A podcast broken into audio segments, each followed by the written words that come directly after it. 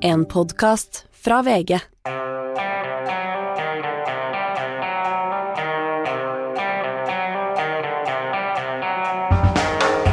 Jonas Gahr Støre går inn i ferien med dårlige målinger og tilløp til opprør i egne rekker. Og hva blir Natos nye strategiske konsept? Mitt navn er Hans Petter Sjøli, og er, her er Jæver og gjengen, minus uh, Jæver, som er på ferie. Han legger ut fine bilder fra skjærgården nede i Vestfold. Eh, og koser seg der, mens vi sitter her i studio, eh, Hanne. Og eh, ja, vi ser jo veldig Per Olav Ødegaard også her. Vi ser jo veldig sommerlig ut, da, i hvert fall. Det er jo finvær i Oslo. Det er jo litt Ja, Særlig du som har vært på Sørlandet nå. Du er skikkelig solbrun og fin. Ja, jeg sovna i sola i går, for det var sånn vind, så jeg merka ikke at sola tok. Og Jeg våkna med sola midt i fleisen og følte meg som en sørlandsk hummer. Jeg leste i jeg tror det var Dagsavisen at eh, jeg nå kom til å bruke et gammelt triks. Og det var et av mine, men jeg kom til å komme sommerbrun og med opprullet hvit skjorte. Sommerbrun er jeg ikke, men jeg får bruke alle triksa i boka. Så det at vi har 30 grader i Oslo i dag, det er en god ramme for å ønske dere velkommen her til denne hagen. 30 grader i Oslo. Jeg vet ikke om det var 30 grader, tror jeg Jonas eh, tok i litt i, dag. Men eh, han hadde jo sine, sin, eh, sin ferieavslutning, sin eh, oppsummering av det som har skjedd det siste eh, halvåret. Han, jeg, så deg på, jeg satt hjemme og så det, men jeg så deg på første rad der. Jeg, jeg syns Jonas fremstod som en eh, offensiv og ja, ganske fornøyd statsminister. Ja, jeg tror kanskje at han ble solbrun gjennom den pressekonferansen. Han sto i sola. Det var veldig, veldig varmt. Om det var 30 grader eller ikke, vet jeg ikke. Men eh, de smarteste reporterne stilte seg i skyggen etter hvert. Jeg ble sittende i sola, og det var eh, skikkelig solvarme. Men Jonas, eh, han har jo, har jo vært, altså jeg kommer fra Sørlandet, jeg har vært der noen dager, og det har jo vært en, en skikkelig oppvask nedpå der med den Kristiansand-saken. Eh, eh, men det var ikke noe slagen mann. da. Jeg syns han var ganske sånn fremoverlent og mente at regjeringa var beholdt eh, Ja, det var bra samarbeid, Senterpartiet oppførte seg bra, det var god tone dem imellom. Eh, sånn at eh, tross for at jeg så på meningsmåling i går igjen, så fikk han ned mot 20 på, på Vårt Lands måling. Jeg syns bare at han virka veldig ja, optimistisk, og, og liksom at det her går veien, sånn som man ser det sjøl, i hvert fall. Jeg tror han trives i rollen tross dårlige målinger. Og det jeg tror de trøster seg litt med, er at uh, også Erna Solberg hadde det ganske tøft den første tiden. Vi måler jo ofte den nye statsministeren mot den som har gått av, men som da har sittet og samlet erfaring gjennom åtte år. Og det er klart, hun måtte jo skifte ut folk på statsministerens kontor. Hun, hun sleit litt med å finne rollen, hun også. Så jeg tror de trøster seg med at ok, det er et knapt år inn i en ny regjering. Dette kommer til å ordne seg når folk eh, ser hvor bra de egentlig er. Eh, Men det er klart han har hatt enorme problemer med den nye regjeringa gjennom særlig siste halvåret med eh, Ukraina-krig, med strømpriser, eh, bensinpriser, uro. Sånn at han, han har, de har fått brynt seg på veldig mye mer enn enn andre regjeringer har gjort. Jeg hørte eh, Forrige dagen her så takka jeg meg Magnus Takvam som kommentator i NRK. Og så sa Magnus Takvam eh, som kom en slags pekefinger til oss i pressen at vi må være, eh, ikke være så servile overfor opposisjonen. Alltid, eh, for det er kanskje en tendens til at vi hakker på regjeringa, mens da det er alle opposisjonens utspill og, og, og hva de eventuelt har gjort før i regjering også, går litt fort i glemmeboka. Syns du det er et poeng? Absolutt. Jeg har vært opptatt av det samme og ofte sagt det her på huset, at vi må være kritiske til opposisjonen også. Det er en del av, eh, av oppdraget vårt. Og nå kom jo VG med en sak i dag som viste at eh, Solberg-regjeringen sa jo nei til å ta imot ukrainske skadede soldater i 2016. Så når de nå For det var krig der da også. Det var krig der da også. Eh, sånn at når de nå snakker om for lite for seint, så er det klart de møter seg sjøl litt i døra. Og det tror jeg, det tror jeg Arbeiderpartiet syns er litt deilig å få fram. Ja, og vi får også følelsen av når vi snakker med Arbeiderpartifolk, at de syns at, ja, at kanskje vi er litt urettferdig, litt strenge med, med regjeringa også. Men sånn er det jo alltid. Ja, det er Jobben vår er jo å ta makta hans, Petter. Det er jo, Ja vi skal jo passe på dem. Men det er klart, når et eh, opposisjonsparti flyr på 30% så er det jo ikke bare fordi de er så geniale, det er også fordi at det er ganske behagelig kanskje å være i opposisjon. da, Særlig i tider hvor det er så vanskelig som det er akkurat nå. Ja, og det fins jo ingen quick fix verken på strømkrise eller bensinkrise, og aller minst på krig. Og Jonas Gahr Støre var veldig tydelig på at Ukraina-krigen nå, den kommer til å prege verden, samfunnet Norge, i lang, lang tid framover. Og se for dere ikke sant, matvarekrisa som kommer nå mot høsten. Eh, det kan bli opprør i store deler av verden. Vi sitter på en sånn liten, fredelig plett, egentlig, med god økonomi. Vi får kjøpt det vi trenger av mat. Vi skal ikke sulte i Norge, men veldig mange steder i verden blir det antagelig sult.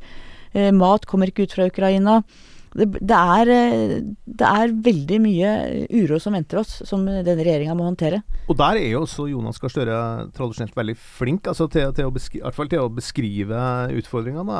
Han har holdt en veldig fin innledning som på den pressekonferansen da han snakka om Ukraina, Nato og, og Sverige-Finlands inngang der, da, og, og energisituasjonen. Altså, brøyt uh, sønnen min inn, han sto bak meg, så sa han det her det er sånn Jonas vi vil høre, sa han. og, det, og det hører litt på Jonas uh, Gahr Støre sjøl også. Han er en skikkelig god um, skal vi si sånn, til, til, å, til, å analysere verden og til, til, å fortelle om det. Og, og gjøre det med en ro som gjør at det kanskje ja, det sprer seg en viss ro også. Ja, Noen vil si at han er denne regjeringens beste utenriksminister. Uh, det er jo utenriksministerrollen han virkelig befestet seg som uh, politiker. Og det man vel ser, er at han gjør det ganske godt på, i Han har stor tillit til befolkningen når det gjelder internasjonale spørsmål, krigshåndtering, det å være på verdensscenen. Men det denne regjeringen ikke har klart, er jo å feste grepet på trygghet rundt økonomi, rundt hverdagen til folk. Hvor Trygve Slagsvold Vedum som finansminister ikke har den samme utstrålingen og styringsevnen eller styringsdyktigheten som utstråler tradisjonelt fra liksom både en Arbeiderpartileder og eh, Sigbjørn Johnsen som finansminister i sin tid, Jens Stoltenberg sånn Gunnar Berge, ikke minst. Gunnar Berge, ikke ja. minst. Sånn at det er klart, de har, ikke, de har ikke klart å feste grepet rundt en ordentlig fortelling rundt hva vil denne regjeringen med Norge, og hvordan vil de styre Norge gjennom denne krisa og faktisk ivareta folks behov når det kommer da eh, strømregninger og uro og alt dette som skjer i samfunnet vårt akkurat nå. Vi kan eh, ta litt om Kristiansand også, fordi den, den kommune, det rotet der nede, som ikke bare gjelder der, altså det gjelder en par andre kommunesituasjoner Det virka som, eh, som, som Jonas Gahr Støre han, han kjefta litt på Erna, det var hennes skyld, for det var en dårlig reform og sånn, men, men, det var også ganske sånn implisitt at det her var noe som Senterpartiet har drevet og gnåla om på, på Hurdal, som vi bare må bli ferdig med.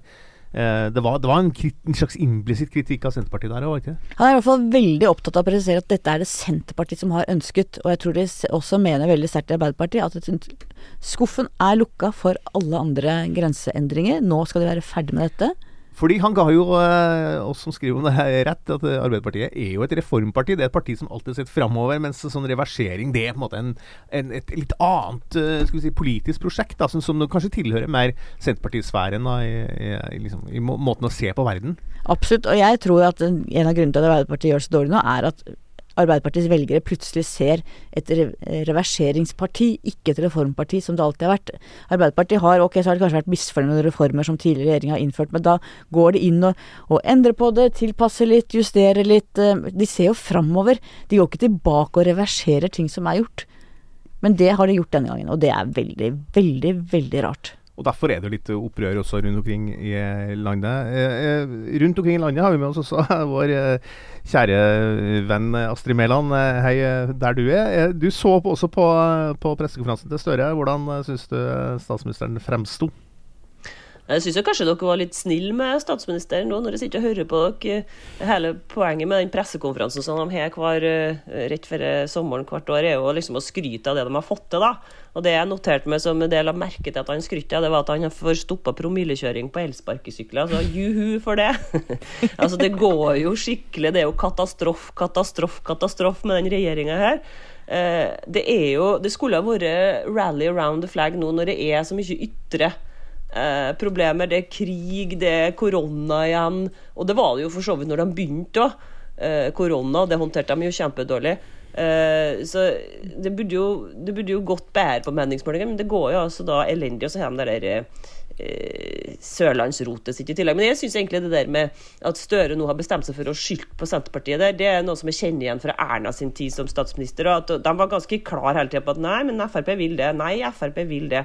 Og være åpen om at det er uenighet i regjeringa kan jo fungere som en sånn kommunikasjonsstrategi, egentlig. Det syns jeg. Det er litt rart da, at uh, Arbeiderpartiet gjør det så dårlig på målinga, men Senterpartiet kanskje har snudd trenden litt. Jeg så på Vårt Land-målinga som jeg nevnte i sted. Der er Senterpartiet opp på 7, over 7% igjen. Så det, egentlig så er det jo Ap som får, uh, får uh, smekken fra velgerne også. Ja, de får i hvert fall vist fram mer at de finnes i Senterpartiet nå. De har blitt litt mer snakk om dem, men, men slik var det jo med, med Erna i perioder òg. Altså at det var lite gevinst å få for den som klarte å hale hele landet. og holde sammen på meningsmålingene. Og det er klart, hel, altså, Senterpartiet får jo gjennomslag for veldig mange saker, og veldig mange symbolsaker. Og veldig mange av de symbolsakene er jo stikk i strid med alt Arbeiderpartiet står for. Og når Arbeiderpartiet da liksom skal ha æret for helheten og styringsevnen, og så går det så dårlig med helheten som det gjør akkurat nå på alle Altså, folk sitter med lommeboka, ferien ryker, alt ryker. Da er det ikke så lett. Da går det nedenom. En som formulerte det, var jo Per Sandberg, tidligere Frp-nestleder, som ble, var intervjua av Nettavisen her på Gardermoen. og Han mente at hele det streikekaoset i flybransjen det var en det var så skandale. Det. Han fant ikke ord for en stor skandale når folk nå har sittet hjemme eh, under pandemien og endelig skal få på tur, og så er det bare kaos. Eh, Det er ikke så lett å være Jonas Gahr Støre. Det er ikke lett å være regjering i sådan tid. Men du, eh, etter masse spørsmål fra journalister da, eh, på den pressekonferansen, Hanne, så, så, tok du ordet til slutt. Eh, nesten til slutt. Og så stilte du spørsmål om Jonas og atomvåpen. Hva, hva, hva var det du var ute etter da? Ja, ikke sant. Altså, Norge deltar som observatør på en konferanse om eh, atomvåpenforbud i verden. F, et FN-forbud mot atomvåpen. Eh, Norge var det første landet av Nato-landene som eh, flagga at de skulle delta som observatør. Det er å bryte rekkene helt med, med resten av Nato-samholdet. Man frykta mange steder da at, at, da ville flere land følge etter, og det gjorde de. Tyskland, eh, Belgia, Nederland eh, har deltatt eller varsla at de skal delta. Um, og dette bryter jo med Nato-samholdet i en veldig kritisk tid. Altså at man gjør det i en tid når Russland rasler med atomvåpnene. Uh, dette er en konferanse hvor ingen atomvåpenmakter er med. Det foregår Det ligger, er mange spor for nedrustning hvor de atomvåpenpartene er med. De har gått dårlig, altså det er mange avtaler som har falt. Men det er i hvert fall fins et rammeverk for å kunne forhandle om nedrustning, som jo alle er for.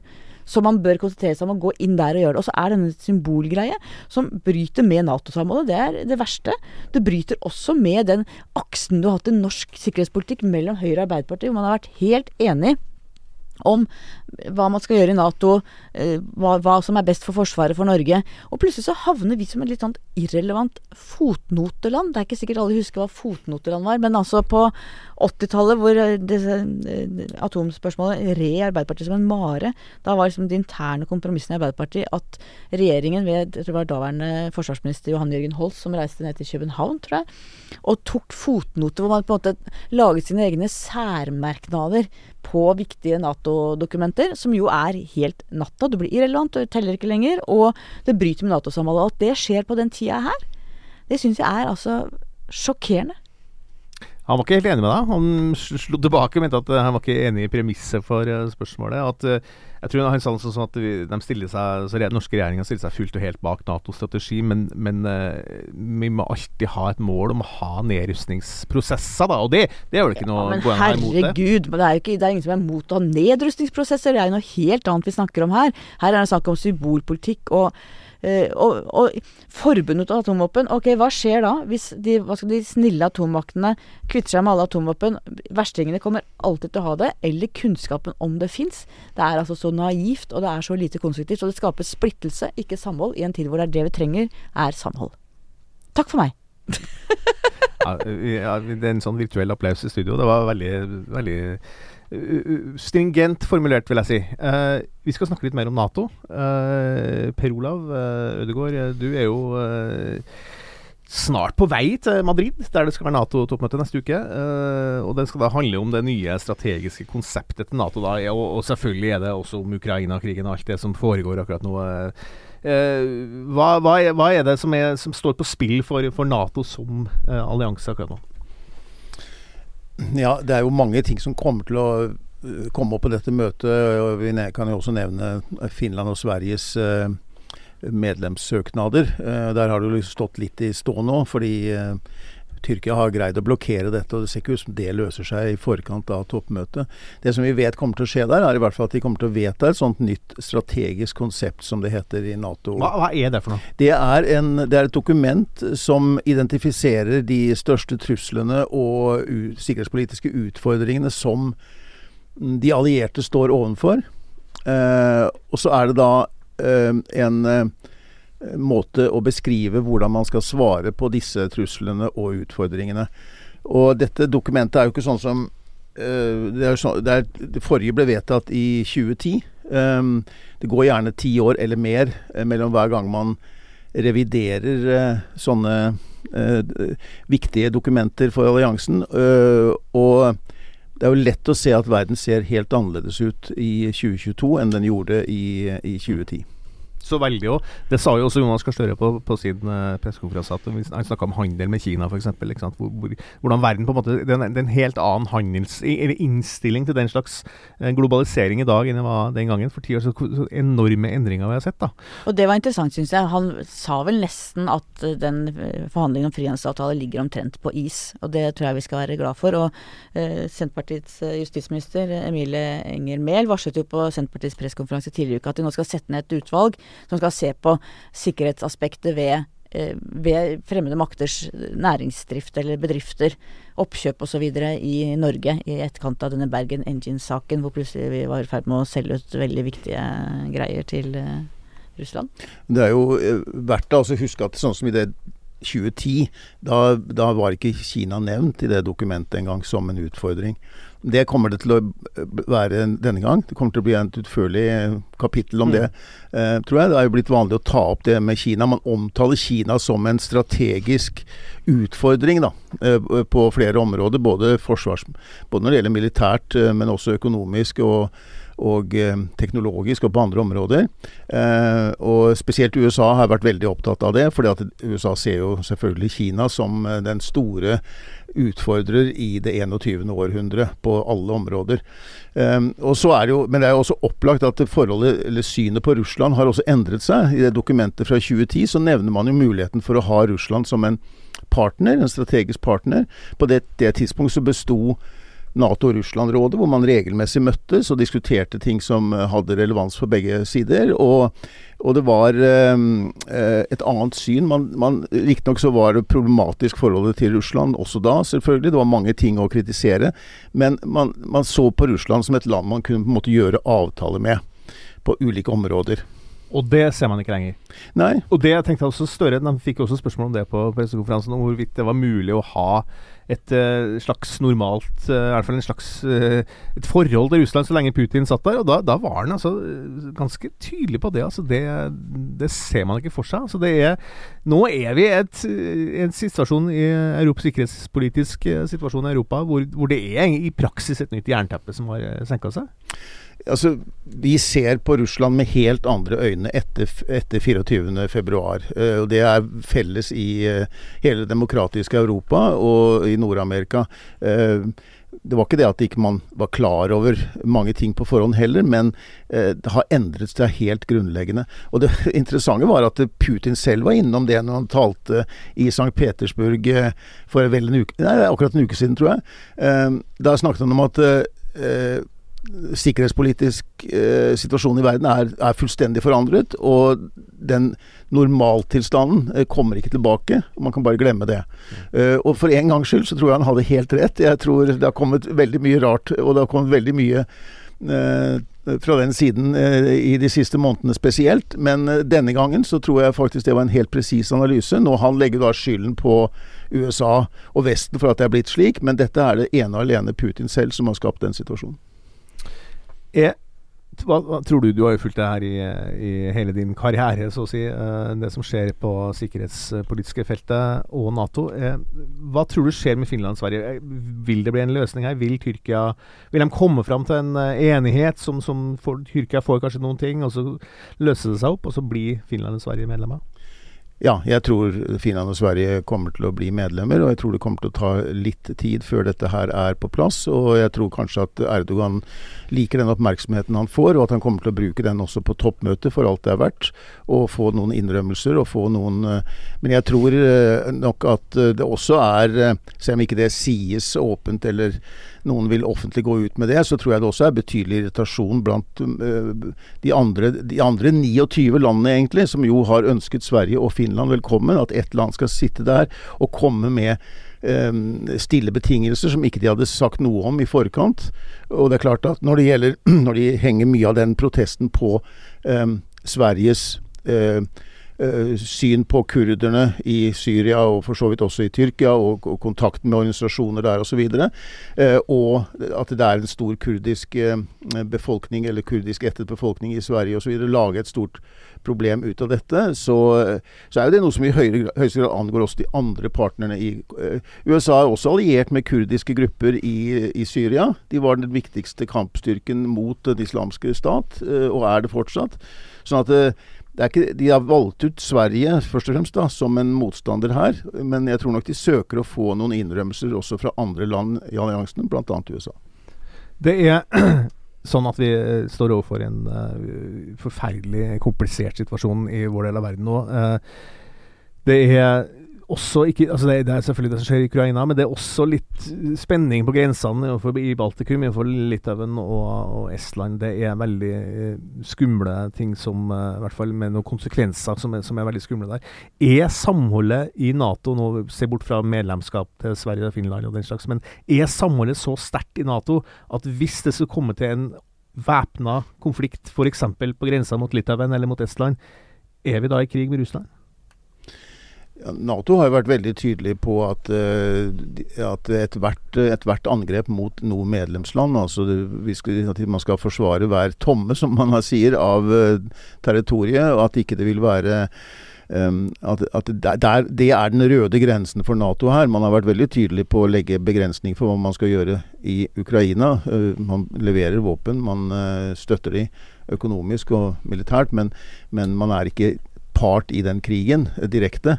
Men når det gjelder våre allierte og eh, de som også da er eh, øst i Europa og på grensene mot Russland, så har det vært veldig tydelig at enhver krenkelse av suverenitet, det vil jo da utløse artikkel 5, som er at et angrep mot ett land er et angrep mot alle. Og artikkel 5 den står fjellstøtt i Nato? Det gjør den, og jeg, vi ser jo også at den, som konsekvens av denne krigen, så bruker så, så, trapper Nato opp sitt nærvær i øst. Altså, det, er jo, det, er jo form, det, er jo, tenkt som en avskrekking. altså Når man har tilstrekkelig styrkeoppbygging i disse allierte landene i øst, så det, skal det avskrekke Russland fra å forsøke seg på noe. Uh, og vi ser samtidig at Europa øker forsvarsbudsjettene kraftig. Uh, og det har gjort det i disse månedene etter krigen startet. Ja, jeg tror ikke det er tvil om at det, dersom de Russland skulle angripe det baltiske landet, så er Nato i krig med Russland. Men det er jo mange måter å på en måte krenke. Spørsmålet er hvor går grensen. Det kan ha hybridkrig, du kan ha uidentifiserte hackerangrep som man ikke vet hvor kommer fra. Russerne kan finne på mye kjipe greier i Baltikum som ikke er et angrep. Og, og, Nato definerer jo ikke angrep bare som militær, altså at det kommer forsvars... Eller at det kommer soldater over grensa. Eh, men allikevel så vet vi også at Russland driver jo stadig og, og, og foretar seg ting som på en måte er mindre, da. Sånn at, eh, og, og det kan jo eskalere, ikke sant. Man kan jo begynne med noe. Så det er veldig, veldig skumle tider den cyberkrigen pågår jo f.eks. Eh, mer eller mindre hele tiden, uten at det utløser mm. artikkel 5. Mm. Eh, men det som ville gjøre det, var hvis det var en regulær militær intervensjon, altså innmarsj eller en, en invasjon, eh, angrep over landegrensene som, med bruk av militære midler. Da tror jeg ikke det er noe særlig tvil om at det ville komme til anvendelse. Så er det jo spørsmål om hvordan det ville også da i neste gang Hva slags reaksjoner vil komme, og når det kommer. Det, det er jo mer komplisert. Vi får i hvert fall holde kryssefingrene for at noe sånt aldri skjer. det da åpnes uh, ja, The Gates of Hell, som det snakkes om. Så vi får bare håpe at uh, at det i hvert fall er en viss uh, rasjonalitet igjen på den russiske siden, tross alt det som skjer i Ukraina. Nå skal vi over til noe mye skal vi si, lettere å snakke om, men skal vi høre lite, et lite lydklipp først. Min mor sa til stadighet det kommer ikke an på hvordan man har det, men hvordan man tar det. Det har hjulpet meg meget gjennom livet. Og disse ordene ønsker jeg å gi videre til deg. Ja, det, det var nå skal, vi nemlig, skal vi nemlig snakke ja, Vi har en ny fredagsspalte som vi har holdt på med en stund nå, som vi kaller Innafor og utafor. Uh, og, og, her hørte vi selveste dronning Sonja kom med en uh, formaning, eller en slags, ja, en slags, et slags visdomsord, da, til Ingrid Alexandra, til barnebarnet, som ble 18 år. Og det her har da skapt ja, Jeg vil ikke si noen sånn slags storm ute på sosiale medier, men det har en liten, blitt en liten sak om det her, da. Eh, er det innafor av dronning Sonja å dra den gamle devisen om at eh, det kommer ikke an på hvordan du har det, men hvordan du får det? Til sitt barnebarn eh, Ingrid Alexandra. Eller tar det. tar det, blir kanskje. Det er helt innafor. Hvorfor det? Eh, For det første er det veldig sant. Eh, Noen mener at, det at, det er, at dette er privilegerte folk som da lett for dem å si osv. Alle mennesker, uansett hvor du er på rangstigen, kan komme i situasjoner hvor livet er veldig kjipt. Og selvfølgelig kommer det litt an på hvordan du har det, men veldig mye handler da om også hvordan du tar det. Og det gir en sånn oppfordring fra en bestemor til et barnebarn, syns jeg er fint. Per Olav?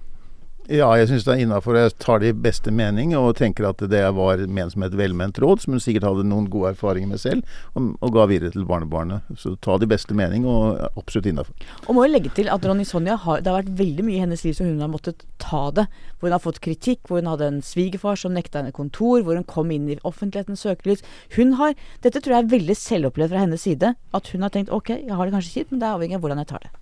Astrid, hva mener du? Ja, det er jo innafor, da. Vi kan jo ta med konteksten her. Det var jo eh, forfatter Maria Kjos Fond som mente at det var utafor. Fordi at eh, det er en veldig privilegert familie, og hun mener at slike språklige klisjeer, sa hun til Dagbladet, er skadelige. Akkurat på samme måte som du er din egen lykkes smed, og det er i motbakke det går oppover og sånn. Gresset er grønnere på andre siden. Ja. Men, men, men hun sa jo også Maria Kjos Fond trakk litt tilbake det litt tilbake etterpå, så kanskje det var ikke så enormt dypt ment fra hennes side heller. Det var bare en slags sukk hun begikk på sosiale medier, da. Eh, men, det må jo, det må jo være lov det må jo, men jeg må jo, hvis jeg skal svare sjøl, så må jeg jo si det er innafor. For det må jo være Det er jo generelt ganske godt eh, råd, det der. Er, det ikke det? Altså, det er jo eh, så, så, som hun eh, Sonja har tatt med fra sin mor, som bare videre. Det, er ikke noe, det ligger ikke noe dypere, noen slags erkjennelse at vi er mer, mer privilegerte enn de andre bak det rådet. Nei, det kan jeg virkelig ikke tenke meg. Jeg syns det var fint, jeg. Ja, da banker vi gjennom den. Det var helt, helt innafor. Enstemmig, faktisk. Enstemmig, ja. Det er litt kjedelig kanskje, da, men sånn ble det nå.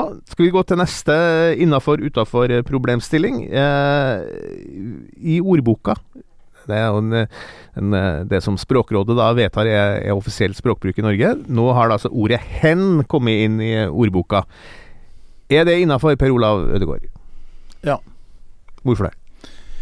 Nei, fordi at eh, det kan brukes som en eh, betegnelse når man ikke er opptatt av å fremheve om det er en mann eller kvinne som har uttalt dette. eh, At det, at det er en kjønnsnøytral betegnelse som kan være nyttig. Jeg må tilstå at jeg ikke tror ikke jeg har skrevet det ordet ennå. Men eh, jeg får jo se om det passer seg eller faller naturlig. Men jeg, jeg ser at det kan brukes der. Og så er det fordi at det er en gruppe mennesker som eh, synes det er som, som vil, ønsker å bli titulert på den måten, og he, at man henvender seg til dem på den måten. Og jeg, det, jeg synes at vi skal ta eh, hensyn til minoriteten i så måte. Hanne? Helt innafor. Begrunn. Ja, akkurat sånn som Per Ola sa. Det er praktisk, faktisk. Ofte når du skriver, så er det sånn Bruker du det sjøl? Eh, jeg, er litt usikker. Jeg tror jeg har brukt det én gang eller noe sånt. Og det føltes litt sånn fremmed. Jeg må liksom jobbe meg litt sånn inn i det, for at det er et helt nytt ord. Men jeg syns det er veldig praktisk. Og ofte har man da skrevet liksom vedkommende, eller altså funnet ting å komme seg rundt for at man eh, Enten er en kilde som er man ikke vil røpe hun eller han, eller så er det mann, den altså, språklig er det lurt. Og så er jeg også helt enig at det er eh, en gruppe mennesker som verken definerer seg som kvinner eller menn, og som da heller ikke ønsker å ha dette kjønnspronomen. Og da skal vi selvfølgelig respektere det og si hen. Da forventer jeg uenighet fra deg, Astrid. Nei, det er innafor. Og jeg skjønner ikke den debatten som vi hele tida har om det her heller. Det er- så mye fullt av stråmenn. Nå går det en debatt uh, starta kanskje av Senterpartiets Jenny Klinge om at eh, i biologien så er det åpenbart at det er to kjønn, men det er vel egentlig ingen som er uenig i det. Eh, Det er jo bare handla om at det er en eh, gruppe mennesker som ikke ønsker å identifisere seg, eller ikke føler at de hører, hører til i noen av de to.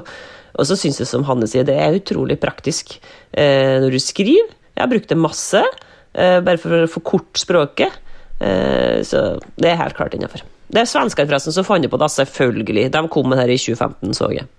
Ja, det kom- kommer fra, Vi dilter etter Sverige alltid fem-seks år. Det er jo det som er litt skummelt når man tenker på hva som har skjedd i Sverige de siste årene. Men, men jeg er helt enig. eh, Det her er innafor. Det er en veldig praktisk, pragmatisk eh, tilnærming til en, eh, en debatt som er ganske, ganske tung og ganske stygg. Altså, jeg det, Astrid refererte jo til Jenny Klinge. Hun hadde jo en kronikk her i VG som, som eh, som ble enormt mye diskusjon eh, rundt. da, og Det, det er jo et veldig sånn touchy område. og At vi innfører sånne pragmatiske eh, begreper, mener jeg skal være helt uh, uproblematisk. Og det er også lurt Sånn er for oss, som du sier, ikke sant, for å skjule litt hvem man egentlig snakker om. og Man skriver litt mer sånn, sånn snirklete og prøver å skjule hvem det er som er omtalt. Da, så er hen et veldig adekvat ord å ty til.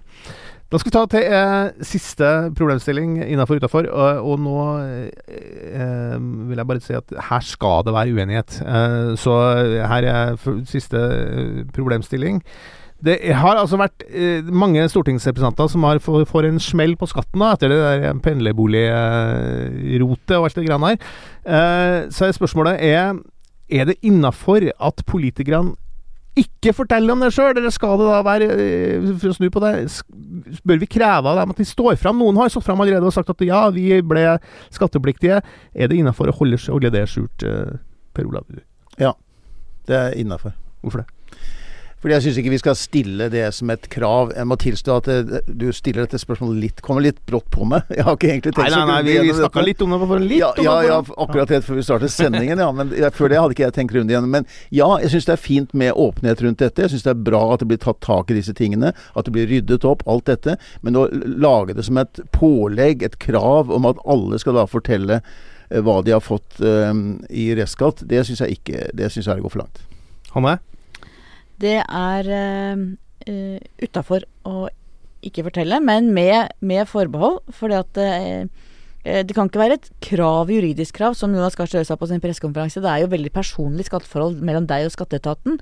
Men det er uklokt å ikke fortelle. Noen kan kanskje ha veldig sterke grunner for ikke å fortelle, men i hovedsak så mener jeg at det er uh, uklokt ja, av politikerne å ikke fortelle.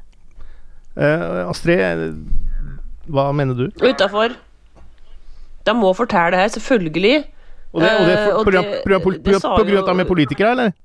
Jeg forstår ikke hva det er um, hva som er så privat med det her. Det er altså, diskusjonen handler om eh, hvor mye uh, verdien på de her pendlerboligene uh, har vært satt til. Har vært satt feil.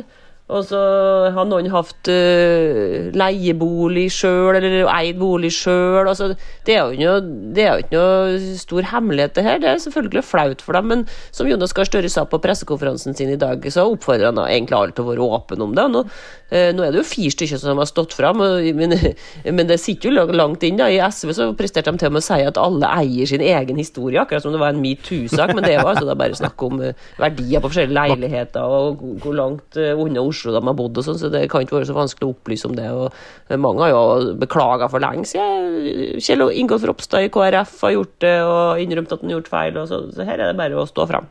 Og så er det viktig å legge til at det er jo veldig mange De aller, aller fleste av disse, kanskje alle, i hvert fall de aller, aller fleste, har jo handla i god tro og har fulgt råd fra Stortingets administrasjon. Og, og eh, så kan du si at du diskuterer disse ordningene og sånn, men det er jo en ordning som er lagt der for at folk skal kunne sitte på Stortinget fra Finnmark, fra Møre og Romsdal, fra eh, langt utenfor hovedstaden. Uh, og det at de har fått en del av det har fått feil informasjon, f.eks. Anette Trettebergstuen, som har spilt med åpne kort hele tiden, spilt inn alt, og så får hun beskjed om at nei, Stortinget har oppgitt feil verdi av boligen, så hun får en skattesmell på 100 000. Klart det er surt. Og, og det er eh, Jeg skjønner at hun opplever det som eh, urimelig. Jeg skulle stille deg spørsmålet, faktisk, fordi det er jo, det er jo helt utrolig. Altså, vi skal ha fått 100 000 i, i restskatt på noe som egentlig ikke har eh, gjort med overlegg i det hele tatt. Det er noen andre som, som på en måte har gjort at det er blitt sånn. Det er blitt rimelig forbanna, altså. Og antagelig så ville Jeg vil tro at i en del private bedrifter så ville man kanskje, hvis arbeidsgiver hadde gjort en sånn feil gjennom mange år, så ville det kanskje kommet krav fra klubben, fagforeningen, om at dette får arbeidsgiver dekke sjøl, og antagelig vil kanskje en del arbeidsgivere og bedrifter gjøre det. Men på Stortinget går ikke det, for det er skattebetalernes penger, og de er i en helt annen situasjon. Så de er jo en knipe. Jeg skjønner at en del av disse syns det er veldig ubehagelig og vanskelig, altså. Ja, Da- det, det ja, fall, eh, jeg, jeg, synes, jeg er helt enig. Jeg syns det virker veldig urimelig. Og når man da baserer seg på hva arbeidsgiver her oppgir, og så blir, får man en sånn skatteregning. Men det, jeg syns det er helt utmerket at alle er åpne om sine egne skatteforhold, om de ønsker det. Men å stille det som et absolutt krav, spesielt til stortingsrepresentanter, vil ikke jeg. Jeg fikk 700 kroner i restskatt i år, bare så det er sagt. Så nå har jeg vært åpen om mitt skatteforhold. men jeg syns ikke alle bør forlange det, alle. Jeg fikk en bak, på 1000 kroner. Ja, det er Ja. omtrent det samme. Ja, vi, er, vi er åpne. Vi, det, det, Ja, la, det, la det være en ja, eh, en oppmuntring til alle. oppmuntring til alle. Også til deg, Astrid. Må være åpen. Om restskatten min? Ja, du, trenger, ikke- du ikke å si det. Du er ikke folkevalgt, vet du. Jeg fikk mange mange tusen i restskatt. Å, så surt. Vi skal, vi skal vil faktisk avslutte med én problemstilling til. Er det innafor at vi eh, avslutter sendinga nå? Og tar helg. Ja, det er veldig innafor. Jeg skal ha ferie òg, så for meg er det veldig innafor å ta helg og ferie nå. Nydelig! Takk. Ja, det blir, det blir godt for deg, Hanne. Eh, per Olav, du skal ikke ha ferie riktig ennå. Du har hatt ferie, du, men du skal Ja, men Ja da. Og, og det er eh, Vi skal avslutte denne sendingen, men det er også sånn at vi skal fortsette i neste uke. Ja, ja, ja. Eh, Vi tar aldri pause, vi. Det er helt sant, og du skal rapportere fra Madrid. Ja. Astrid, er det innafor at vi tar helg nå? Det er innenfor, det betyr at jeg slipper å skrive noe mer i dag òg. Det blir helt herlig å høre det fra sjefen sjøl. Supert. Da sier vi det sånn. Eh, I studio eh, i dag, Hanne Skartveit og Per Olav Ødegaard. Mitt navn er Hans Petter Sjøli. Med oss på link er Astrid Mæland. Og produsent denne uka har vært Askild Matre Aasarød. Og vi er tilbake på mandag. God helg! Du har hørt en podkast fra VG. Ansvarlig redaktør, Gard Steiro.